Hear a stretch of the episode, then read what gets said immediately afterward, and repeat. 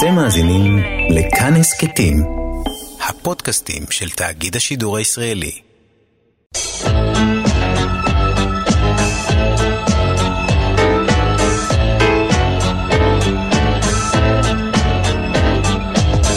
גיבור תרבות הדוקטור דן הרב והדוקטור דוד גורביץ' באולפן עם יונתן גת.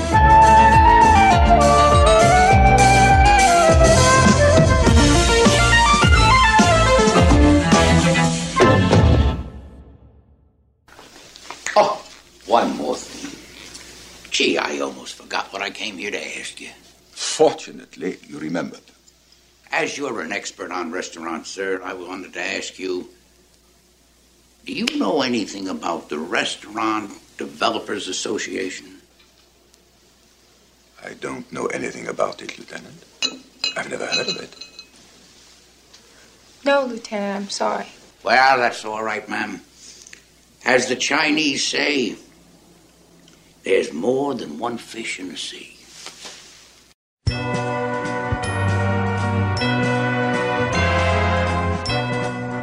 זה היה קולו של גיבור התרבות שלנו להיום, הבלש קולומבו. ואנחנו כאן, חפים מפשע, דוקטור דוד גורביץ'. אהלן. דוקטור דן הרב. היי אהלן. קצת מצונן, ואני, תהיה בריא דן, אה, ואני יונתן גת, והיום אנחנו מדברים על אחד מגדולי הבלשים הטלוויזיוניים בכל הזמנים. הבלש השלומיאל עם מעיל הגשם המרופט והסיגר הנצחי שנראה שאין שום סיכוי שיצליח לפתור אפילו לא תעלומת פשוטה. ולאט לאט הוא עושה את הבלתי אפשרי ומפרק את הפשע לגורמים, למרבה הפליאה של הרוצחים ושלנו הקהל. ובסופו של דבר מחזיר את הסדר על כנו וחוזר לטרנטה שלו ונוסע הביתה. תיארת את זה מאוד יפה, את המיוחד בו, באמת אין בו כלום. אה, שחקן כאילו נמוך קומה, פיטר פלק, שטום עין כזה, שלומפר, בקושי חי. כמובן, הוא נשוי, אך לא באושר גדול מדי. אה, חיי משפחה בכלל בלשים זה לא הדבר הכי חזק שלהם, כי הם מקדישים את עצמם למען המוסר האנושי, אז הם לא יכולים להקדיש את עצמם להרבה. כן. גם מבחינה חומרית, נראה שמצבו גרוע לפי המכונית. בקיצור, הוא נראה אחד כזה שהזדמן בטעות לפריים. אבל אז הוא נכנס והוא שואל שם שאלות תמימות, וכשהכל כבר נראה שבאמת הכישלון הכתוב לו מראש הולך להגשים את עצמו, הוא, הוא שואל את מה שאנחנו שמענו בהתחלת הדברים. Just, one, more question. כן. רק עוד דבר, יש לי עוד קצת שאלה קטנה אחת. הוא כאילו כבר הולך והוא חוזר, אתה מבין? הוא חוזר אחר כך. ואז הוא שואל, ובום, מטיל את הפצצה שלו, ואז כולם פחות או יותר כמו, כמו אני יודע, בבלש הקלאסי, לאגסטה קריסטי, עומדים עמומים פחות או יותר ומוכנים להתוודות על הפשעים שלהם, והוא מפליג כדרכו. עכשיו, יש הרבה בלשים בקולנוע, אבל אחד הנחרטים בהם היו עשר עונות של אה, קולומבו החל משנות ה-60 ועד אפילו אלפיים ומשהו. והוא אחד האייקונים הגדולים של הבלשים שאנחנו מכירים בצידם של פיליפ מרלו, הקולנועי בצידם של קונן דויל, כמובן אה, שרלוק הולמס, הרקול פוארו וכיוצא בזה. עוד נדבר בו. כן, אה, אמרת שלומיאל, אני רק עם הדבר הזה לא מסכים. שלומיאל הוא לא, הוא mastermind, הוא אדם ש, שמנצח בזכות המוח, לא בזכות האלימות, לא בזכות הכוח הפיזי. אה, שלומיאל כאמור ממש ממש לא, וגם מעבר לדבר הזה הוא מייצג בעצם טלוויזיה, אני חושב שטלוויזיה מעידן אחר, שעליה עוד נדבר, הוא גיבור טלוויזיוני של תקופה אחרת, שאולי אנחנו יכולים להתרפק עליה, מבחינת הישירות שלה, ידענו מה נקבל. קולומבו הוא גיבור מאוד מאוד מאופיין. Mm-hmm. קווי המתאר שלו מאוד מאוד ברורים, וגם דיברתם על עשר עונות פלוס, אז זה, זה בדיוק הגיבור שהתרפקנו עליו במהלך שנות ה-70. ואפילו עוד הרבה הרבה מעבר. הבלש קולומבו החל את דרכו כדמות שולית בפרק אחד בסדרה שנקראה The Chevy Mystery Show בשנת 1960. ואחרי שהתוכנית עובדה למחזה, הוחלט ליצור סדרת טלוויזיה על פי שמו של הבלש. מי שהיה אמור לגלם אותו תחילה היה בכלל בינג קרוסבי, אבל בגלל שהעדיף זמן פנוי למשחקי גולף, הוחלט להעביר את התפקיד לפיטר פלק. התוכנית קולומבו עלתה לשידור בארצות הברית בשנת 1968, והיא נוצרה על ידי ריצ'רד לוינסון וויליאם לינק.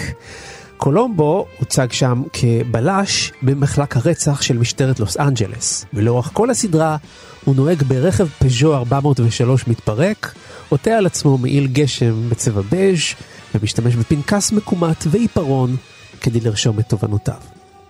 יוצרי הסדרה טענו כי הדמות מושפעת מזו של פטרוביץ', הגיבור מספרו של דוסטויבסקי החטא ועונשו, ואת זה בשילוב עם דמותו של הבלש החובב, האב בראון, מספריו של ג'יי קיי צ'סטרטון.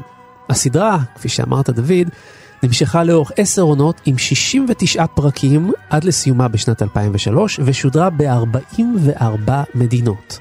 לאורך השנים היא זכתה ב-13 פרסי אמי ושני פרסי גלובוס הזהב. את אשתו של קולומבו מעולם לא ראינו, למרות שהוא מדבר עליה לא מעט. אשתו האמיתית של פיטר פלק הופיעה בשישה פרקים בתפקידים שונים. את אחד הפרקים ביים סטיבן ספילברג הצעיר, וגם פיטר פלק בעצמו ביים פרק אחד. מיטב השחקנים של הוליווד הופיעו בסדרה הזו, בין היתר ג'אנט לי, כן, זאת מפסיכו. עוד הופיעו מרטין שין, ג'ון קסאווטס, ליאונרד נימוי, ג'וני קאש, דיק ון דייק, אוסקר ורנר, ויליאם שטנר ומרטין לנדאו הגדול. ועוד דבר אחד, קולומבו ופיטר פלק היו כל כך מזוהים אחד עם השני, עד שבאחד הראיונות נשאל פלק איזה סיגרים הוא אוהב. בתשובה הוא ענה, קולומבו אוהב סיגרים. אני עצמי לא נוגע בהם אף פעם.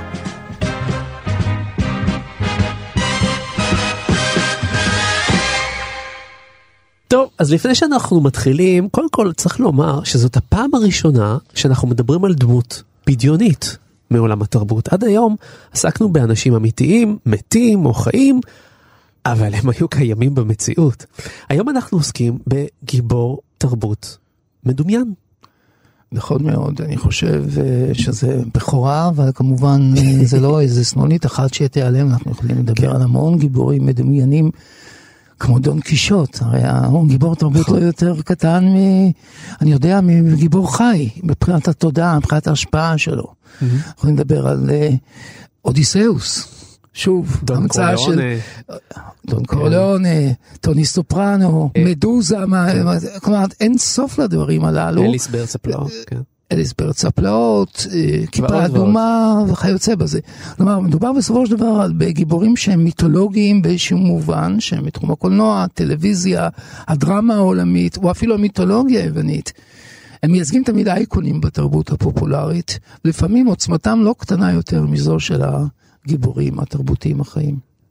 לגמרי, אני, אני בכלל חושב שתרבות היא מערכת של סמלים, והשאלה מה אמיתי ומה לא אמיתי היא לא השאלה המרכזית, היא, היא ממש לא השאלה המרכזית. אתה יודע, היום אנחנו מדברים על גיבורי על.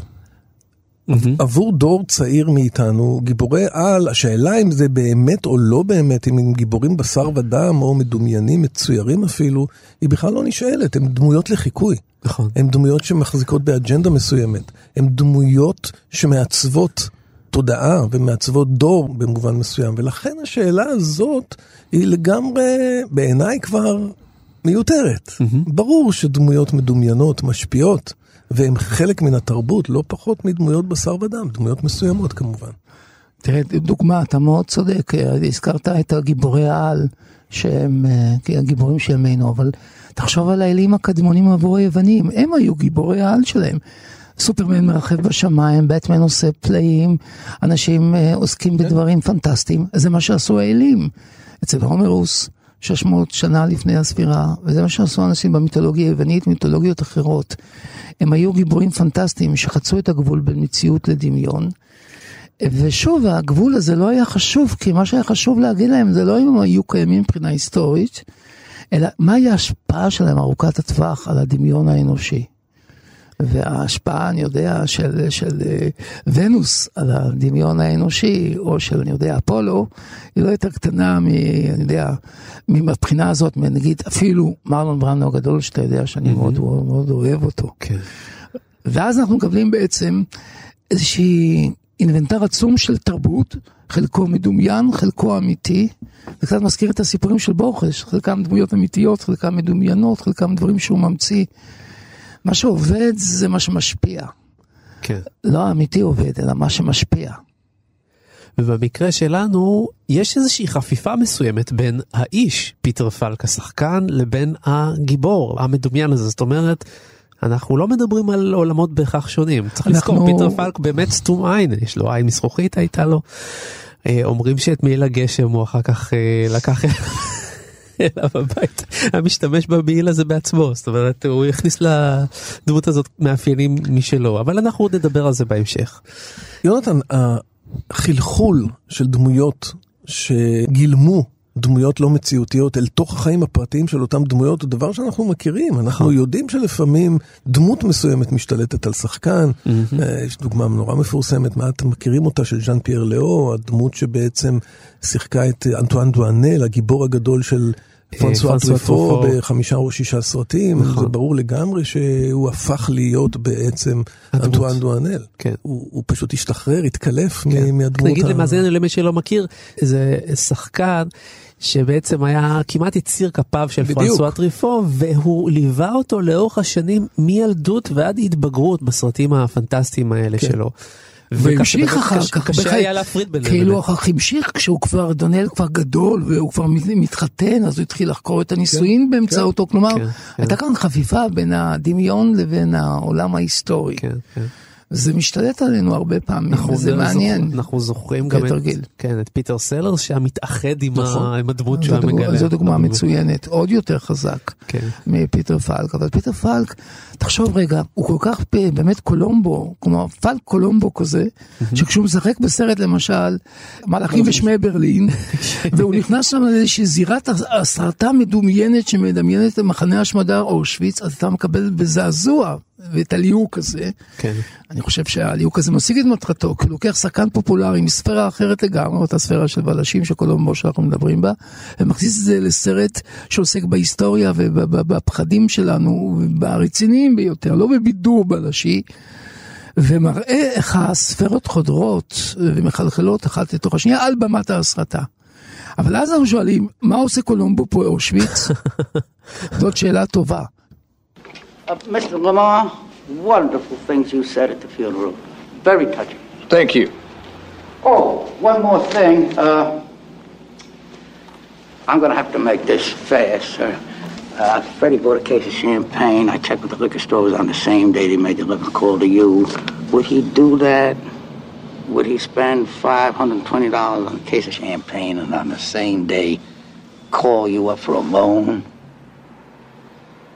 Well, that surprises me. But I suppose he could have, being Freddie. Because this wasn't a fantasy, sir. I mean, he actually bought the case of champagne. Yes, I hear you, sir. I just wish I hadn't. Well, I appreciate that, sir. Once again, thank you for the time. אז עכשיו בואו ניתן קווים לדמותו של הבלש קולומבו. אז דן אתה אומר שהוא לא שלומיאל? חשבתי שאתה הולך להגיד קווים לדמותו של פיטר פלק, אני עצמי לא, התבלבלתי כבר. בהשוואה, אבל אתה אומר לי קולומבו. יאללה. דן אתה אומר שהוא לא לא שלומיאל. אבל אה, תשמע הוא כן אה, משלומפר, זאת אומרת, כן, לא, שלומיאל, בוא נסכים שהוא כן. שלומיאל לכאורה. כן, שלומיאל לכאורה. זהו, בוא נסכים שנינו. אז בואו רגע נצייר אותו, כמובן מאזיננו חייבים להיכנס ליוטיוב ולהקיש קולומבו ואתם מיד תקבלו אה, גם פרקים וגם חלקים מהסדרה ותקבלו דוגמאות. שלמעשה אנחנו רואים אדם שתמיד מגיע באיחור. לא מסורק, אה, זה נראה כאילו הרגע הוא קם מהמיטה. מגיע עם אה, רכב מלא עשן, אוטו דפוק שעבר אינסוף תאונות. הוא לא מוצא את הפנקס, הוא לא יודע איפה לחפש, הוא לא יודע איפה להתחיל, הוא נראה באמת כמו מישהו שעבד ביער. אנחנו מעט מרחמים על האיש הזה, כיוון שאנחנו יודעים שהוא הולך, עוד רגע הוא הולך פה להפסיד את משרתו. ואז נמשיך. לא, עכשיו אתה תמשיך. אבל דוד. ואז- ואז שלוש נקודות, בום, out כן. of the blue. האיש הזה שלא שווה כלום.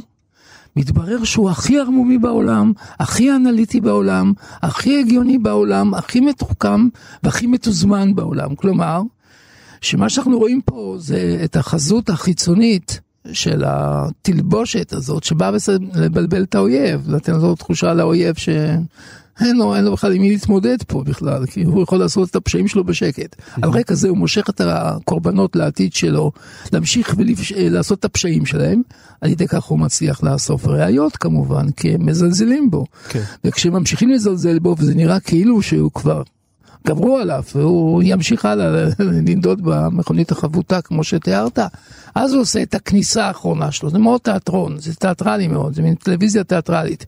תמיד זה באותו פורמט, כמו שאתה אמרת, מאוד יפה.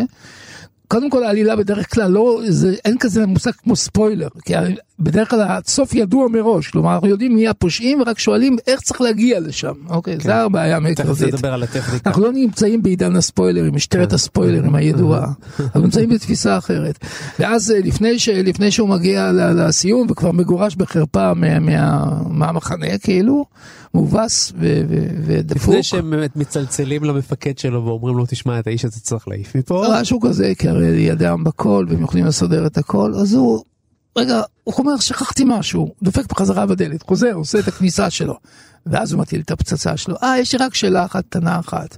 שאלה שמשנה לגמרי את מאזן הכוחות ומובילה את האנשים להתמסרות מוחלטת לכוח שלו. זה קצת, כמו שאמרתי, אה, כמו הצגת הקריסטי, הם לא ממש מתנגדים, הם לא ממש נלחמים, הם לא, הם כאילו משתחווים לשכל ולערמומיות שלו, אומרים לו, יאללה, ניצחת אותנו. גם הוא תמיד מגיע למקומות שלא אמור להיות לו מושג גם במובן המקצועי, למשל הוא מגיע לסט של קולנוע. נכון. או לסט של תוכנית טלוויזיה, הוא לא יודע בדיוק איך או עובדות שם מכונות פעם, העריכה, או נכון. הצילומים, או ה... או כן. שהוא מגיע, ובכמה מקומות הוא מגיע למקומות מאוד מאוד מעניינים, למקומות של אה, חברות מסתוריות ותאגידים שעוסקים בכוח ובהשמדת העולם, ועוסקים, כמו המוסד הזה באמריקה, שהוא מוסד די חשוב, נקרא מוסד ראנט, שהרבה מאוד אה, מדענים אפלולים אה, בקו אה, שבין ה-FBI לבין המדע עבדו עליו, כלומר מקומות חסויים באמצע איזה יער, באיזה מקום מובל, היא שהוא- ששם יש, יש, יש כוחות אפלים, כן. כוחות שמתנגדים לדמוקרטיה, חכה, כוחות שרוצים בעצם להרוס את המבנה האמריקאי, ואז צריך את האיש הזה שהוא גיבור אמריקאי, אז זה אולי כדאי לדבר לחוד, עליו כגיבור אמריקאי. אבל יש לו? מכשלה מאוד רצינית, כיוון שהוא הוא צריך ללמוד מההתחלה את השטח. הוא תמיד מגיע לאזורים נורא נורא בעייתיים. שאם אתה לא לומד את כל העולם, נגיד העולם הצבאי, הוא מגיע לאיזושהי יחידה צבאית, אם הוא לא מבין בדיוק איך הכל מסודר שם, הוא מגיע למעבדה, אם הוא לא מתחיל להתמצא בחומרים הכימיים שיש שם, אין לו סיכוי להבין. יש סרט אחד על אה, רופא שיניים. שמשתיל בתוך שן של אדם אה, כמוסת רעל שמתפוצצת רק אחרי 24 שעות. זה מזכיר את ג'יימס בונד כאלה. כן, זה נמס לו בפה וככה הוא, הוא רוצח אותו. אז קולומבו חייב להבין בכל הכימיקלים האלה, כי אחרת אין שום סיכוי שהוא יצליח. זה גם משרת את הדמות. אנחנו רואים בעצם תלמיד חסר דעת, מתחיל בכיתה א' בעצם, הוא עובר תהליך של למידה, הוא, הוא עושה תואר, כן, עושה זאת דוקטורט. נקודה חשובה, כי יש פה שני דברים. א', זה משרת אותו, כמו שאמרת, כי זה נותן מצג שווא לכוחות שלו האינטלקטואליים האמיתיים. הוא לומד מאוד מאוד מהר את הדברים, נותן לאנשים בסביבה שמדובר בטמבל קטן שאפשר לנפנף אותו ככה, כאילו, שלומיאל כאילו. שלא תגידו שהוא שלומיאל, אנחנו כבר לא קוראים לו שלומיאל יותר. אז אה, טמבל, טמבל לכאורה, כאילו, זה דבר אחד. דבר שני, אתה לא יודע מה, מה הוא בא מהבית. לא כל מה שאנחנו רואים כצופים זה הדבר שהוא יודע. יש פער בין הידע של הבלש לבין מה שהעלילה והבמאי פורס לפנינו, מבחינת הפעולה שלו. אתה לא, אתה לא עד כאילו ולא מומחזת לך הפעולה האנליטית שלו. אז הפער הזה שבין מה שהוא יודע לבין איך שהוא נראה, נמצאת אה, כל העלילה. יש פה את הדרמה, יש פה את ההומור, יש פה את הקומדיה. זה בעצם קומדיה. אני חושב שהגדולה של, של, של קולומבו זה שזה קומדיה בלשית. לא בלש, אלא קומדיה בלשית. ובקומדיה בלשית מי מנצח תמיד? נכון, יש את המושג קומדיה נשית, נגיד בעולם של התיאטרון היווני, יש את האלאזון ואת האיירון. איירון זה הגיבור הקטן, החלש, שנראה לא מנצח, ואיירון זה איזשהו גוליית כזה. ובסוף, מי מנצח? זה שיודע לסובב אותו, ובתחבולות רבות מפיל בסוף את ה... כן. מס- מפיל בסוף את האלאזון הזה, המלא גאווה עצמית, כמו כלי ריק, קישקיש קרק כזה שלא עושה שום דבר. אותו דבר הוא. הוא, הוא לא נראה בכלל בכוחות, ואז הוא בא ומייצג את הניצחון של האיירון. עכשיו, הניצחון האיירון הוא ניצחון האירוניה, מכאן המילה אירוניה, איירון, אירוניה. כן. הוא דמות אירונית, והוא המנצח בקומדיה. זאת קומדיה של מנהגים וקומדיה של התנהגות וקומדיה של מוסר.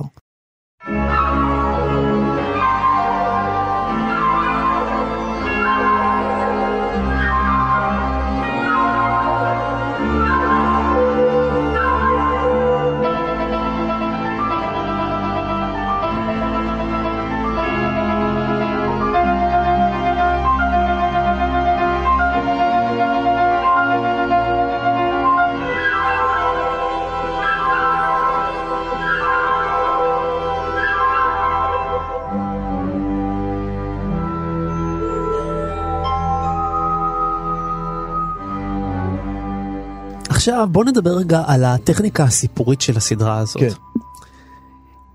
גם הרצח מבוצע מראש ולעינינו, גם הרוצח מתגלה לנו ממש על ההתחלה, וגם בדיוק איך הוא עשה את זה. זאת אומרת, את כל הפרטים אנחנו כבר יודעים על ההתחלה, בדקות הראשונות, ולמעשה לא נותרו אה, חידות בסיפור הבלשי הזה. ואיזו חידה כן נוצרת? החידה הופכת להיות משהו אחר. החידה הופכת להיות קרב המוחות בין הבלש לקהל שמנסה לראות איך הבלש הצליח להדביק את הידע שניתן לנו על ההתחלה. זה בדיוק ככה. זה, זה, אנחנו יודעים דברים שהבלש כאילו לא יודע אותם, ועכשיו אנחנו אומרים בוא נראה אותו. והוא נראה שהוא בהתחלה לא מצליח, לא מצליח, לא מצליח, לא מצליח, ואז כמובן כדי להגביר את אפקט ההצלחה בסוף הוא צריך להיכשל קודם, ואז הוא כאילו מתרומם על עצמו, מעל הצ'ופצ'יק לעצמו, ועף על עצמו, ועושה את ה... רק עוד דבר אחד קטן רציתי לשאול אתכם, ובזה הוא גומר את העניין. אחר כך הוא יכול לרכב עם הסוסיתא שלו. סוסיתא, נכון היום אומרים סוסיתא. כן. הטכניקה הזאת, אתה יודע, היא לא מקורית. היצ'קוק הגדול בעצם כתב על זה ודיבר על זה והסביר את הדבר הזה, שמתח יכול, איזה-. שמתח יכול להיבנות כתוצאה מהפער הזה שאתה מדבר עליו בין מה שהצופים יודעים לבין מה שהבלש או הגיבור נכון, יודע. נותן את הדוגמה המפורסמת של. פצצה מתקתקת, כן, נכון, על הכיסא, שאנחנו הוא רואים אומר, אם אותה אנחנו והוא נשים פצצה לא. מתחת לשולחן ונראה את זה כן. לקהל, זה יהיה הרבה יותר חזק מאשר שפתאום פצצה תתפוצץ משום מקום. כן, בדיוק. כן, ובמקרה הזה, כמו שאתה אמרת, הוא לא, זה לא שאנחנו חוקרים ביחד עם הבלש את המקרה, אלא אנחנו מסתכלים קצת מרחוק ונותנים לבלש לגלות, ואנחנו חרדים ביחד איתו מול הסכנות שאורבות לו בדרך, ומתפלאים ונדהמים ביחד איתו מהאופן שבו הוא פיצח את הדבר. כן. למרות שידענו מי עשה את זה, אנחנו לא היינו יכולים לפצח את זה כמונו. כי כמוהו. אנחנו לא יודעים את הדרך, אנחנו יודעים את התוצאה. הוא יגיע גם לתוצאה הטובה, שאנחנו כבר יודעים עליה, אבל וגם גם- יראה לנו את אבל הדרך. גם בדיוק. יראה לנו את הדרך הנכונה, כלומר את הברק, את המיוחדות, את הפעלת האינטליגנציה הרגשית שלו. דבר מאוד חשוב, הוא מאוד עממי, הוא מאוד סוציאליסטי. הוא נגד הקפיטליזם כן, כן. כאילו, ועדיין הוא מייצג את הקפיטליזם בהתגלמותו, שפירושו האינדיבידואליזם, התגברות על האיש הקטן למנגנון הגדול. בקיצור, יכול להצביע גם טראמפ. The dates there were. Uh, gee, you don't have a pencil, do you? Thanks. You know, my wife, she gives me one every morning, and uh, I just can't seem to hold on to it. Uh, ולצד הטכניקה הסיפורית הזאת, יש דבר אחד שקצת עוזר לקולומבו, שלדעתי זה חיסרון של הסדרה, אבל כנראה זה גם יתרונה.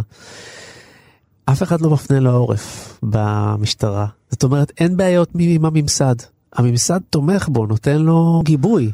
לא מה שאנחנו רואים בסדרות משטרה בדרך כלל של היום, בסדרות בלשיות. כי זה, יש בזה איזו תמימות, אולי ששייכת לטלוויזיה של אותה תקופה והכל, תמימות מסוימת, שאין חפרפרות, אין בגידה פנימית, כל הסדרות וכל הסרטים היום זה על העולם האפל שנכנס לתוך העולם החוקי. זה בעצם כל, ה, כל הקולנוע וכל התרבות שלה עכשיו. היא אחוזה בפרנויה, אבל אין כזאת פרנויה שם. הכוחות של הפרנויה לא בתוך המערכת המוסרית. אם הם קיימים, הם קיימים מחוץ למערכת, וצריך ג'ל, כן, לשים אותם בכלא, לכלוא אותם. הוא חולה, הוא כולא אותם, בסדר, ממש ככה, הוא אומר, קורא למשטרה, הם באים, שמים את האזיקים, נכנסים לאוטו, עושים להם את זה, מורידים להם את הראש לאט לאט, כמו שאנחנו מכירים, הוא נכנס למכונית המפורסמת שלו. בסופו של דבר הממסד, נעלם. הממסד עובד בשבילו, השוטרים עם העוזרים שלו. הם בסופו נכון. של דבר אה, משתחווים לפניו, נכון. ולמרות שהוא משלומפר, כשהוא מגיע לזירה כולם מפנים לו את הדרך ואומרים אה אוקיי, זה קולומבו הגיע. נכון, אבל לא באמת רואים את העבודת צוות. בכלל הרעיון של עבודת צוות לא קיים בסדרה הזאת. הרבה מאוד בסדרות האלה שאתה הזכרת. נכון. אה, מדובר על קומפלקס מאוד מסובך. הרעיון של פשע זה לא איזה אדם מבריק אחד מול פושע, ארכי פושע מבריק אחד והתמודדות שני כוחות. זה מנגנון מאוד אה, ארוך של עדויות, של ראיות, של DNA, של אה, הוכחות פורנזיות וכאלה, וצוות של עשרות אנשים שעובד על מקרה.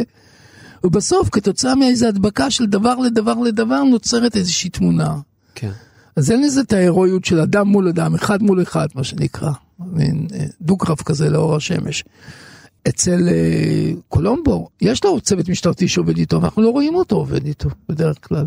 נכון, הוא בא, נותנים לו כבוד, הוא עוזב, נותנים לו כבוד, זה מה שאנחנו רואים בדרך כלל מהתמונות של אה, מפקדת המשטרה, אנחנו לא רואים את, ה, את הכוורת הזאת, הרוכשת, הבעייתית, שאנחנו רואים בסדרות יותר מאוחרות, שנות ה-80, 90, שמראות את הצדדים המאוד מורכבים והאנושיים של עבודת המשטרה. כן, כי זה קשור באמת לטלוויזיה, אני לא אגיד ארכאית, זה פשוט טלוויזיה שהיא מסחרית בשלושת ערוצי השידור המסחריים של ארה"ב בשנות ה-70, לפני שהמודל הטלוויזיוני המסחרי כמו שאנחנו מכירים אותו היום מתרחש ומאפשר, אני מדבר על סדרות הכבלים וערוצים, אה, ערוצי ברודקאסט אלטרנטיביים, שבעצם אפשרו פריצה של הגבולות, גם של הגבולות המוסריים וגם הראו סיפורים הרבה יותר מורכבים מהסוג שאתה מייחל לו, שמראים גם אה, עבודת צוות, ומראים מחלקות שונות, ומראים גם שחיתויות, ומראים בעצם איזושהי מורכבות אנושית שקיימת גם בתהליך החקירה המשטרתי,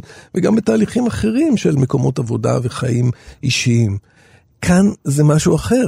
כאן זה מאוד מאוד ממושמע, כאן יש כללים מאוד מאוד ברורים, המשטרה זה הטובים, הפושעים הם הרעים, יש תפקיד לטלוויזיה, התפקיד הוא תפקיד אידיאולוגי, הוא תפקיד חינוכי, לא צריך לה- להתבייש להגיד את זה, אז מה אם זה טלוויזיה מסחרית? היא פועלת בשם האתוס, היא פועלת בשם החברה שקבעה מראש מה נכון ומה ראוי ומה לא מוסרי ומה פסול. כן, נכון, אז אה, המודל שם, אני חושב, הוא מודל של אה, אחד מול הרוע הכללי. כן. והרוע הזה יכול להיות רוע צבאי, רוע בירוקרטי, רוע תאגידי, רוע של קפיטליסטי, אפילו שהיא השתלטות על אדמות ועושק וכיוצא בזה שהוא חושף.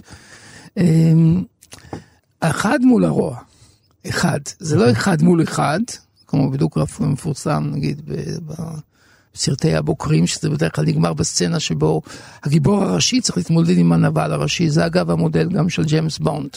בסוף כל ג'יימס בונד, כולל ג'יימס בונד האחרון, אה, יש כל מיני התרחשויות, אבל בסוף צריכה להיות מעמד אחד. הארכי נבל מתמודד עם ג'יימס בונד. כלומר, ראש הפירמידה, בקרב אישי, אחד מול אחד, ורק כשהוא מכריע אותו גופנית, אז יש הכרעה של הרוע. זה לא קורה פה. פה יש אחד, שהוא האינדיבידואל הגדול, הכוכב הגדול, כוכב, זה מושג הכוכב נמצא שם, הוא הכוכב של הסדרה, אין על ידו כוכבים אחרים. יש, אבל הם מתפקידי אורח. הוא הכוכב. וכל האחרים זה מין רוע כללי ואמורפי שמשתנה מלוקיישן ללוקיישן, ממצב למצב, והוא רק מאפשר לגאון הקטן הזה, המשלופר כביכול, אה, להפגין את יכולתו ואת הווירטואוזיות שלו. Then okay, Doc. Uh, thank you very much, and I'm sorry I bothered you. No bother at all.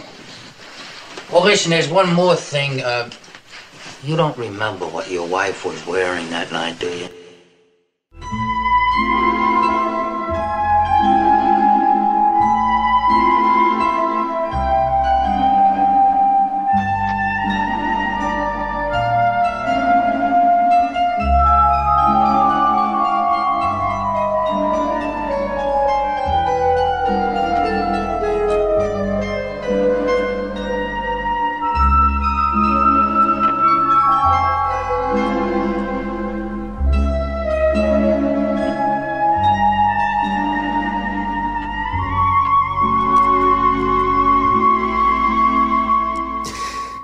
אתה כתבת בספר שלך, הבלש כגיבור תרבות, שאנחנו. שנינו, אנחנו שנינו פה, אה, גם אני וגם דן הבאנו עותק לאולפן. שבעצם הפופולריות של הסדרה, ואין ספק שהיא אחת הסדרות הפופולריות ביותר של אה, עולם המשטרה והבילוש, אה, שהפופולריות הזאת נבעה בין היתר מכיוון שהקונספט הסיפורי, שהרצח בעצם מתגלה לנו בתחילת הפרק, זה בעצם שחרר את הצופה מהתסכול שלו בעצם החידה כבר פתורה, ועכשיו הוא יכול ליהנות מהחוויה הבידורית של משחק המוחות, זה מה שאתה כותב. נכון, אני חושב שמה שנפתר בהתחלה עבור הצופה זה הבעיה המוסרית, שזה קשה לו עם רוצ, מי הרוצח, יש רוצח, יגלו אותו, לא יגלו אותו, הוא יודע שיש עולם מוסרי, כלומר שרוצחים מתגלים. מסומנים, הם מסומנים. אולי עוד לא מתגלים, אבל הם כבר קיימים. המצב הגרוע יותר זה שיש רצח, אבל הוא לא מסומן, הוא לא מופגן, הוא לא מוצג בצורה גלויה, כן. ברורה. כלומר, היא לא מהווה בעצם אה, אובייקט לתיקון, שצריך לתקן אותו. כן. עכשיו, אז הוא כבר שקט מבחינה מוסרית, ואז הוא נהנה מהצחוקים, לכן קראתי לקולומבו קומדיה בלשית. כי יש משהו קומי בדמות הזאת, משהו קומי שבא בעצם ומציג אה, כאווילים את כל האנשים האלה, הגדולים, החזקים, העשירים, הפומפוזיים האלה, מול האיש הקטן הזה, שתום העין והמשולפר, ש... אה, הייתי מושך אותם במחקה שלו פנימה, פנימה, פנימה, פנימה, ואז סוגר עליהם את, ה, את העניין. עכשיו, לצופה, הוא נהנה מהווירטואוזיות של הביצוע. הוא פטור מהפת... מההתעסקות בבעיה המוסרית, mm-hmm. זה מה שחשבתי. אני רוצה להסב את תשומת לבכם שיש עוד משהו ערמומי בטכניקה של אה, הסדרה קולומבו שעוד לא דיברנו עליה, וזה הזדהות דווקא עם הרוצח. הדקות הראשונות של הסדרה נראות דווקא דרך עיניו של הרוצח. ואנחנו חווים יחד איתו א' את הבעיה שהוא נכנס אליה כי מישהו מאיים עליו או מישהו סוחט אותו. זאת אומרת אנחנו חווים את הפרשה שלו יחד איתו. אנחנו יוזמים איתו את הרצח כי אנחנו רואים את הכל דרך עיניו, המצלמה נסתכלת דרך עיניו. וקולומבו בא מכיוון אחר. קולומבו בא חיצונית אלינו בסדרה, אנחנו לא רואים את זה דרך עיניו. אז מה שקורה זה כשהרוצח בסופו של דבר נתפס, גם אנחנו חשים שנתפסנו. הרוצח מוריד את הכובע בפני קולומבו. איתו, בגלל שהזדהינו איתו חלק קודם. מהזמן, כן. הרוצח מוריד את הכובע ואומר כל הכבוד קולומבו שתפסת אותי, וגם אנחנו מורידים את הכובע ואומרים וואו. יונתן, אני, לא, אני לא בטוח שאני מסכים במאה אחוז, אני מסכים okay. לחלק ממה שאמרת. אני כן. חושב שבהתחלה אתה לגמרי צודק. יש לנו תשוקה. יש לנו תשוקה, התגלתה שנים יותר מאוחר בטלוויזיה, יש לנו תשוקה לפושעים, גדולים מהחיים או קטנים מהחיים, אנשים שעושים את העבודה שלהם ועושים אותה טוב, כן. ובאיזשהו אופן מסמנים גבולות מוסריים שאנחנו אולי לא מעיזים לעבור, אבל אולי היינו משתוקקים לעבור.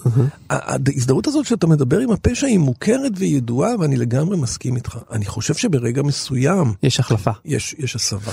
יש הסבה של הדבר הזה, ואנחנו כן. עוברים מההשתוקקות הזאת אל, ה, אל הפשע, לרצון להחזיר את הסדר לקדמותו. להחזיר איזושהי תחושת ביטחון. אז אתה יודע מה, אז אנחנו עוברים שני ממדים בסדרה. לא, כי הפושעים גם, דרך אגב, רק להעיר, תכף, אה, סליחה שקטעתי, רק הפושעים הם סימפטיים יותר בסדרות כמו טוני סופרנו, אנושיים יותר, בעוד שכאן הפושעים הם לא כאלה אנושיים. לא, הם לא אנושיים. חלק כן, חלק לא. הם נראים נבלים. דמונים, נו, במובן הזה הם חד צדדים, הם שטוחים כאלה, הם דמונים, נכון, אבל הם לא מורכבים, זה בדיוק ככה, אם אתה דמוני אז אתה כאילו התגלמות הרוע, אבל אין להם את האמביגויטי של דמות שאתה יכול, טוני סופרנו, הוא לא רק התגלמות של דמוניות, הוא גם התגלמות של חולשה אנושית אינסופית שאפשר להזדהות איתה. אז לכן אני שוב טיפה חושב עוד פעם אחת על הנושא הזה, אם אנחנו באמת מזדהים עם בהתחלה של זה, זה רק ההערה שלי. אני, אני חושב שיש משהו במה שיונתן אומר, אני חושב שאנחנו, אנחנו מזהים שנעשית פה חריגה, אבל אנחנו, עוד פעם אני אומר, אנחנו משתוקקים אל החריגה הזאת, היא הרי מעניקה לנו התלהבות, היא מעניקה לנו איזושהי ריגוש, היא מעניקה לנו משהו שאנחנו אומרים, בזכותו אנחנו, אתה יודע, אנחנו, אנחנו עכשיו במצב דרמטי. אז אני חושב שיונתן צודק שיש לנו מידה מסוימת של הזדהות עם כל פשע, וגם בקולומבו באופן ספציפי, בשלבים הראשונים של הפרק. אני חושב שזו הבחנה מעניינת. I thank you for the compliment. But you're a very professional person in your work, and so am I. Very professional indeed.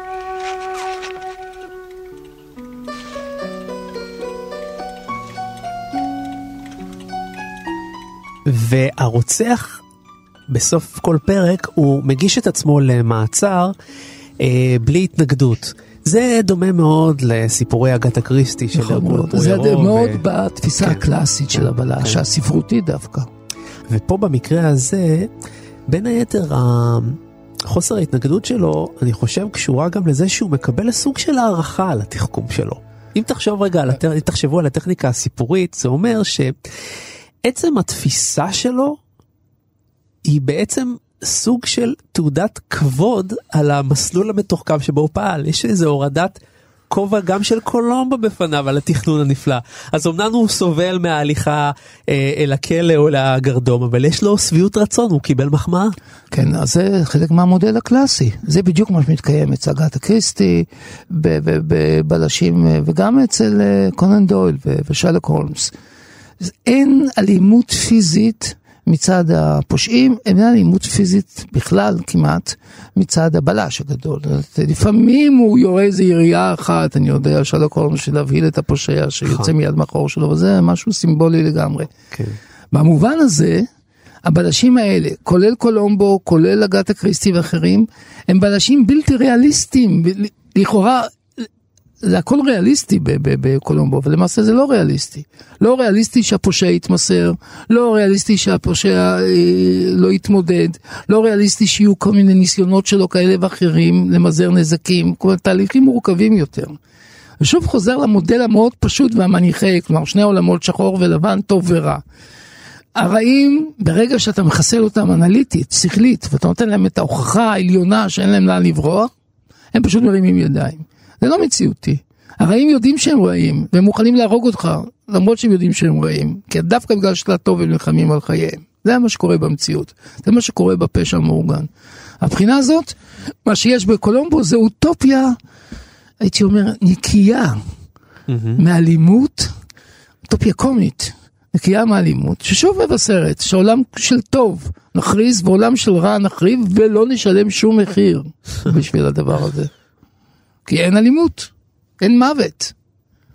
יש רק מוות הראשון, זה שמניע את העלילה, כלומר, מריץ את הרוצחים, רוצחים בהתחלה. ובזה זה נגמר. ואיתנו נמצא ניצב בדימוס, משה מזרחי. שלום משה. שלום לכם. תגיד, אה, תזכיר לנו איזה אנשים חקרת? ליברמן? כל האינבנטר של הבכירים שלנו. ליברמן, מי עוד שם היה? ליברמן, אריק שרון, וואה, ודומיהם. הבנתי.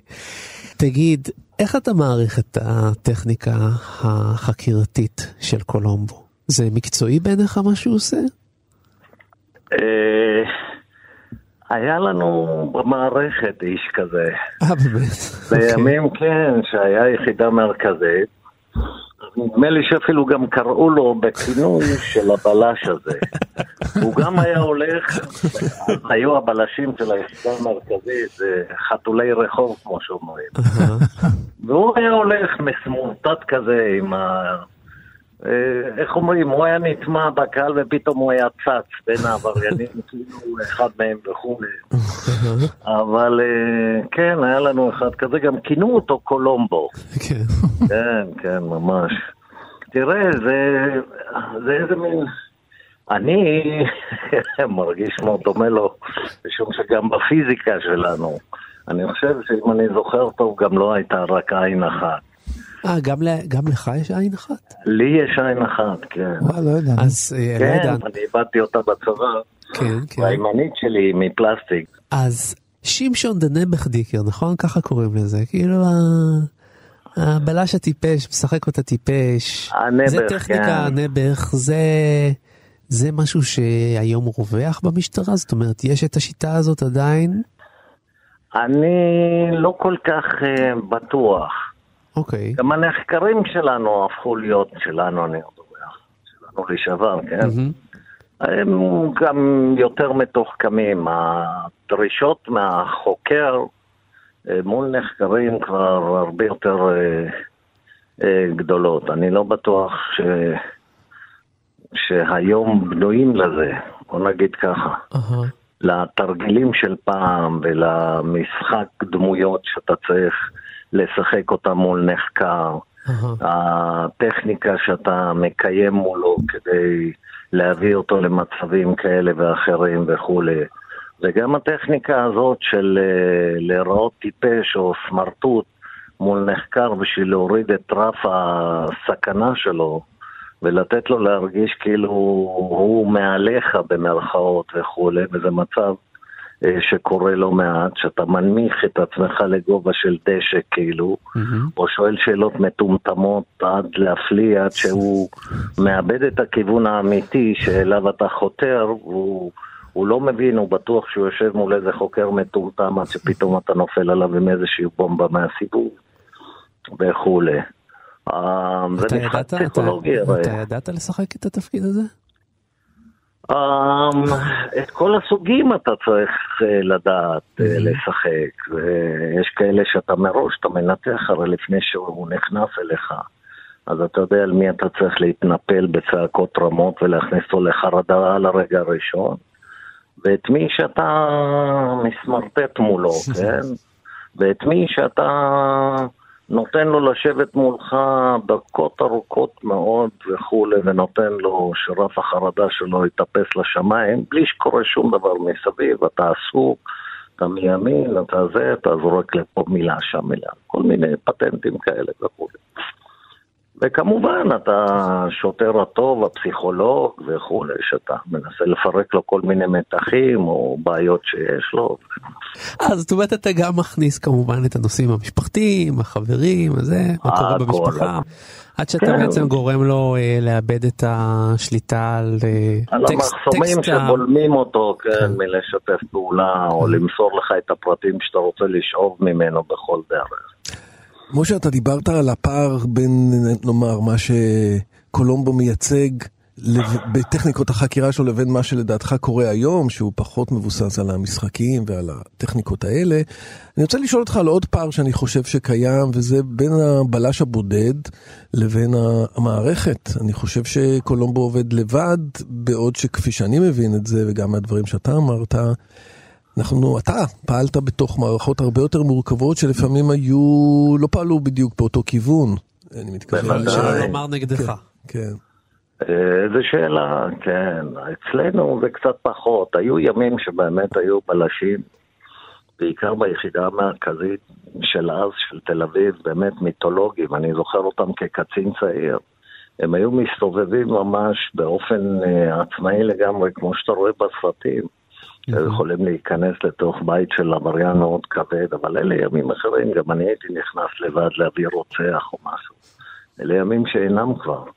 המערכות הן כבר פועלות גם באופן אחר, ביותר אה, חקירות מערכתיות, בטח לא, לא רק בפשיעה החמורה והמאורגנת, mm-hmm. אלא גם השחיתות הציבורית, mm-hmm. שזה שתי פלטפורמות שמאוד דומות, הן גם, יש ביניהן סימביוזה כמובן. אבל זה פחות או יותר על אותו פרינציפ, כי בשתי תופעות הפשיעה הן תופעות חשיפה, שבו היוזמה שלך היא, היא העיקר, כן. בהיעדר יוזמה אין לך שם כלום. זה חד וחלק, אני אומר. כן, אני... ולכן אתה לא עובד כבר לבד. מערכת מורכבת, בייחוד כאשר אתה נוגע בדברים שלא תמיד אוהבים. בתקופה כן. שלי, להזכירכם, כמו למשל חקירה של בעלי עיתון, חבל לכם על הזמן, אני, גם המערכת שלי... תזכיר לנו את בעלי העיתון, אתה מדבר על עופר נמרודי. נמרודי בוודאי, כן. פרשה קשה, אחת מהקשות, בגלל ההשלכות שהיו להן, לרוחב, הציטוטים, האזנות, האזנות בין נוני מוזס, בעלי ידיעות אחרונות מול עופר נמרודי. זה לא רק האזנות, אני טיפלתי בפרק ב' של הניסיונות לשבש את החקירה שלו. כן, כן. כולל האכילה של... גלש לקצינים ששיתפו איתו פעולה. כולל אכילת הניירות, כן. זה לא בתקופתי, אני מתנצל. אוקיי, סליחה, כן. טוב, עכשיו שאתה מספר לנו את עלילותיך, אני כמעט מתבייש לשאול את השאלה הבאה, כאילו שחוזרת לקולומבו הצנוע והקטן. כאילו, אתה מדבר על שועי עולם שאתה שם אה, ככה מתמודד איתם בחדר החקירות, אבל אני חוזר טיפה ל... אני כאילו רוצה לשמוע מה דעתך כצופה קולנוע, כצופה טלוויזיה, מה שווה כל כך לב, מה שווה לב בדמות הזאת? למה היא נחרטה לנו כל כך בדמיון שלנו? בתור בלש ייחודי, באייקון הזה, הצורה הזו של פיטר פלק וכיוצא בזה. בדמות שלו, אה, נפשית, מה שובה לב. כי הם בנו שם איזה מבנה נורא מיוחד, שהוא לא המבנה השגרתי, אתה יודע, של הבלש האמריקאי האלים, כן, עם האגרופים, נכון. או עם הנשק, או שום דבר, שאין עליו כלום, על האיש הזה, חוץ מהפזילה של העין מזכוכית, הגמגום שלו, המעיל המרושל והמרופד, והמוח שלו שעובד בתחכום בלתי רגיל. ואתה נשבע כנראה בעובדה שאתה לא רואה איזה לוחם נינג'ה דגול, שנלחם במאבק בפשיעה, אלא מישהו שמפעיל את המוח שלו רוב הזמן. נורא קל להזדהות עם אחד כזה. כי אתה מבין שלהיות בלש אה, שיורה ימינה ושמאלה או מכה באמצעי לחימה אחרים במומחיות גדולה זה לא חוכמה גדולה, לא גליק גדול. ואתה יודע כצופה שאתה לא תהיה כזה אף פעם. אבל להיות קולומבו אתה אולי תוכל להיות, כי לא יודע איך להסביר את זה. אפשר להזדהות עם אדם כזה, אפשר כאילו, להזדהות מיד, כן. הוא אנושי כל כך, בגודל, כאילו, נכון, בגובה נכון. העיניים, לגמרי, לגמרי. תגיד, נכון. תגיד, משה, אה, יש אנשים שאי אפשר לחקור אותם? זאת אומרת, הם לא מתמסרים בשום צורה? לא בטכניקה הקשוחה ולא בטכניקה של קולומבו, הסמרטוטית הזאת? תשמע, אה, אין כמעט אחד כזה, למעט... אה, ליברמן, ב- ליברמן. לא, לא, לא, גם... אוקיי. אה, תשמע, הם, הוא אחד שבא וכאילו נושא את הנאומים שלו, או משהו כזה. אה, מסוג האנשים שהם, לא יודע, עברו הכשרה באיזשהו מקום. אבל אין, יש כאלה שהדרך היחידה שלהם להתמודד זה פשוט לשתוק. פשוט מהרגע הראשון, וכמו הם מגדירים את עצמם שהם נתונים בשבי, וגם מקבלים את התדרוך המאוד אה, אינטנסיבי של אה, ייעוץ משפטי, ממש לסתום את הפה, כי הם יודעים, בייחוד שמכירים את הקליינט, שהוא יודע ליפול בלשונו, כן. מזהירים אותו, אתה שואלים אותך מה שלומך, אתה לא עונה. וזה באמת ככה, אפילו נמרודי דרך אגב. בעל העיתון, הקונגלומרט הזה, ישב שם ושתק במשך שעות ארוכות. עכשיו, אתה מחויב לחקור אותו ולהטיח בפניו את הראיות. והבן אדם, כמו בסדנת שבי, שותק באופן מוחץ לאורך הזמן. ועד שהכנסתי אותו אליי, כן, ושם הוא כבר לא שתק. כי זה מה שנקרא, היה שנינו הרי התמודדנו אחד מול השני כשהחקירה הייתה סמויה, הוא ידע מה שאני עושה, ואני ניסיתי לדעת מה הוא עושה. אז היינו כמו דוקטור ווטסון, מיטינגס, או את לאסט, מה שנקרא. ואז הצלחתי בפניו, כי היה לו רזומה, באמת, הסתכלתי, הם ניסו להשיג לו חנינה בדקה ה-90, אז הם אספו המלצות מכל שועי הארץ וכולי. משה ובאמת, מזרחי, אתה רואה שתי דמויות כן. שונות, אז אתה מפוצץ אותו עם הסיפור הזה. משה מזרחי, אתה בימים אלה מצייר. אתה לא מתגעגע? למה? לחקירות, לבילוש, להפיל אה, אנשים לא. בפארק כמו שאהבת לעשות. כל דור ודורשיו אומרים. כן. אני את שלי דרשתי כנראה, וזהו. זה לא גירד לי באצבעות מאז שעזבתי. וואלה.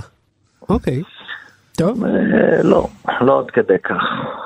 אז ניצב בדימוס, משה מזרחי, תודה רבה שהיית איתנו. לעונג לי גם. תודה. תודה להתראות. רבה. ביי ביי. בבקשה, ביי לך. ביי ביי.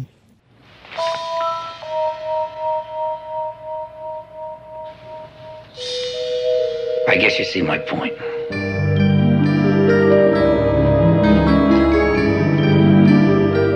סיימנו. אבל זה לא הכל, כי לגיבור תרבות יש עוד עשרות רבות של תוכניות, וביניהן עוד תוכנית אחת שעוסקת בבילוש, כמובן על אגתה קריסטי. כדי לשמוע את זה, אתם נכנסים לאפליקציה שלנו שנקראת פשוט כאן, או לכל אפליקציית פודקאסטים שאתם מעדיפים, נכנסים לאזור של גיבור תרבות, והפרק הזה וכל היתר יחכו לכם שם.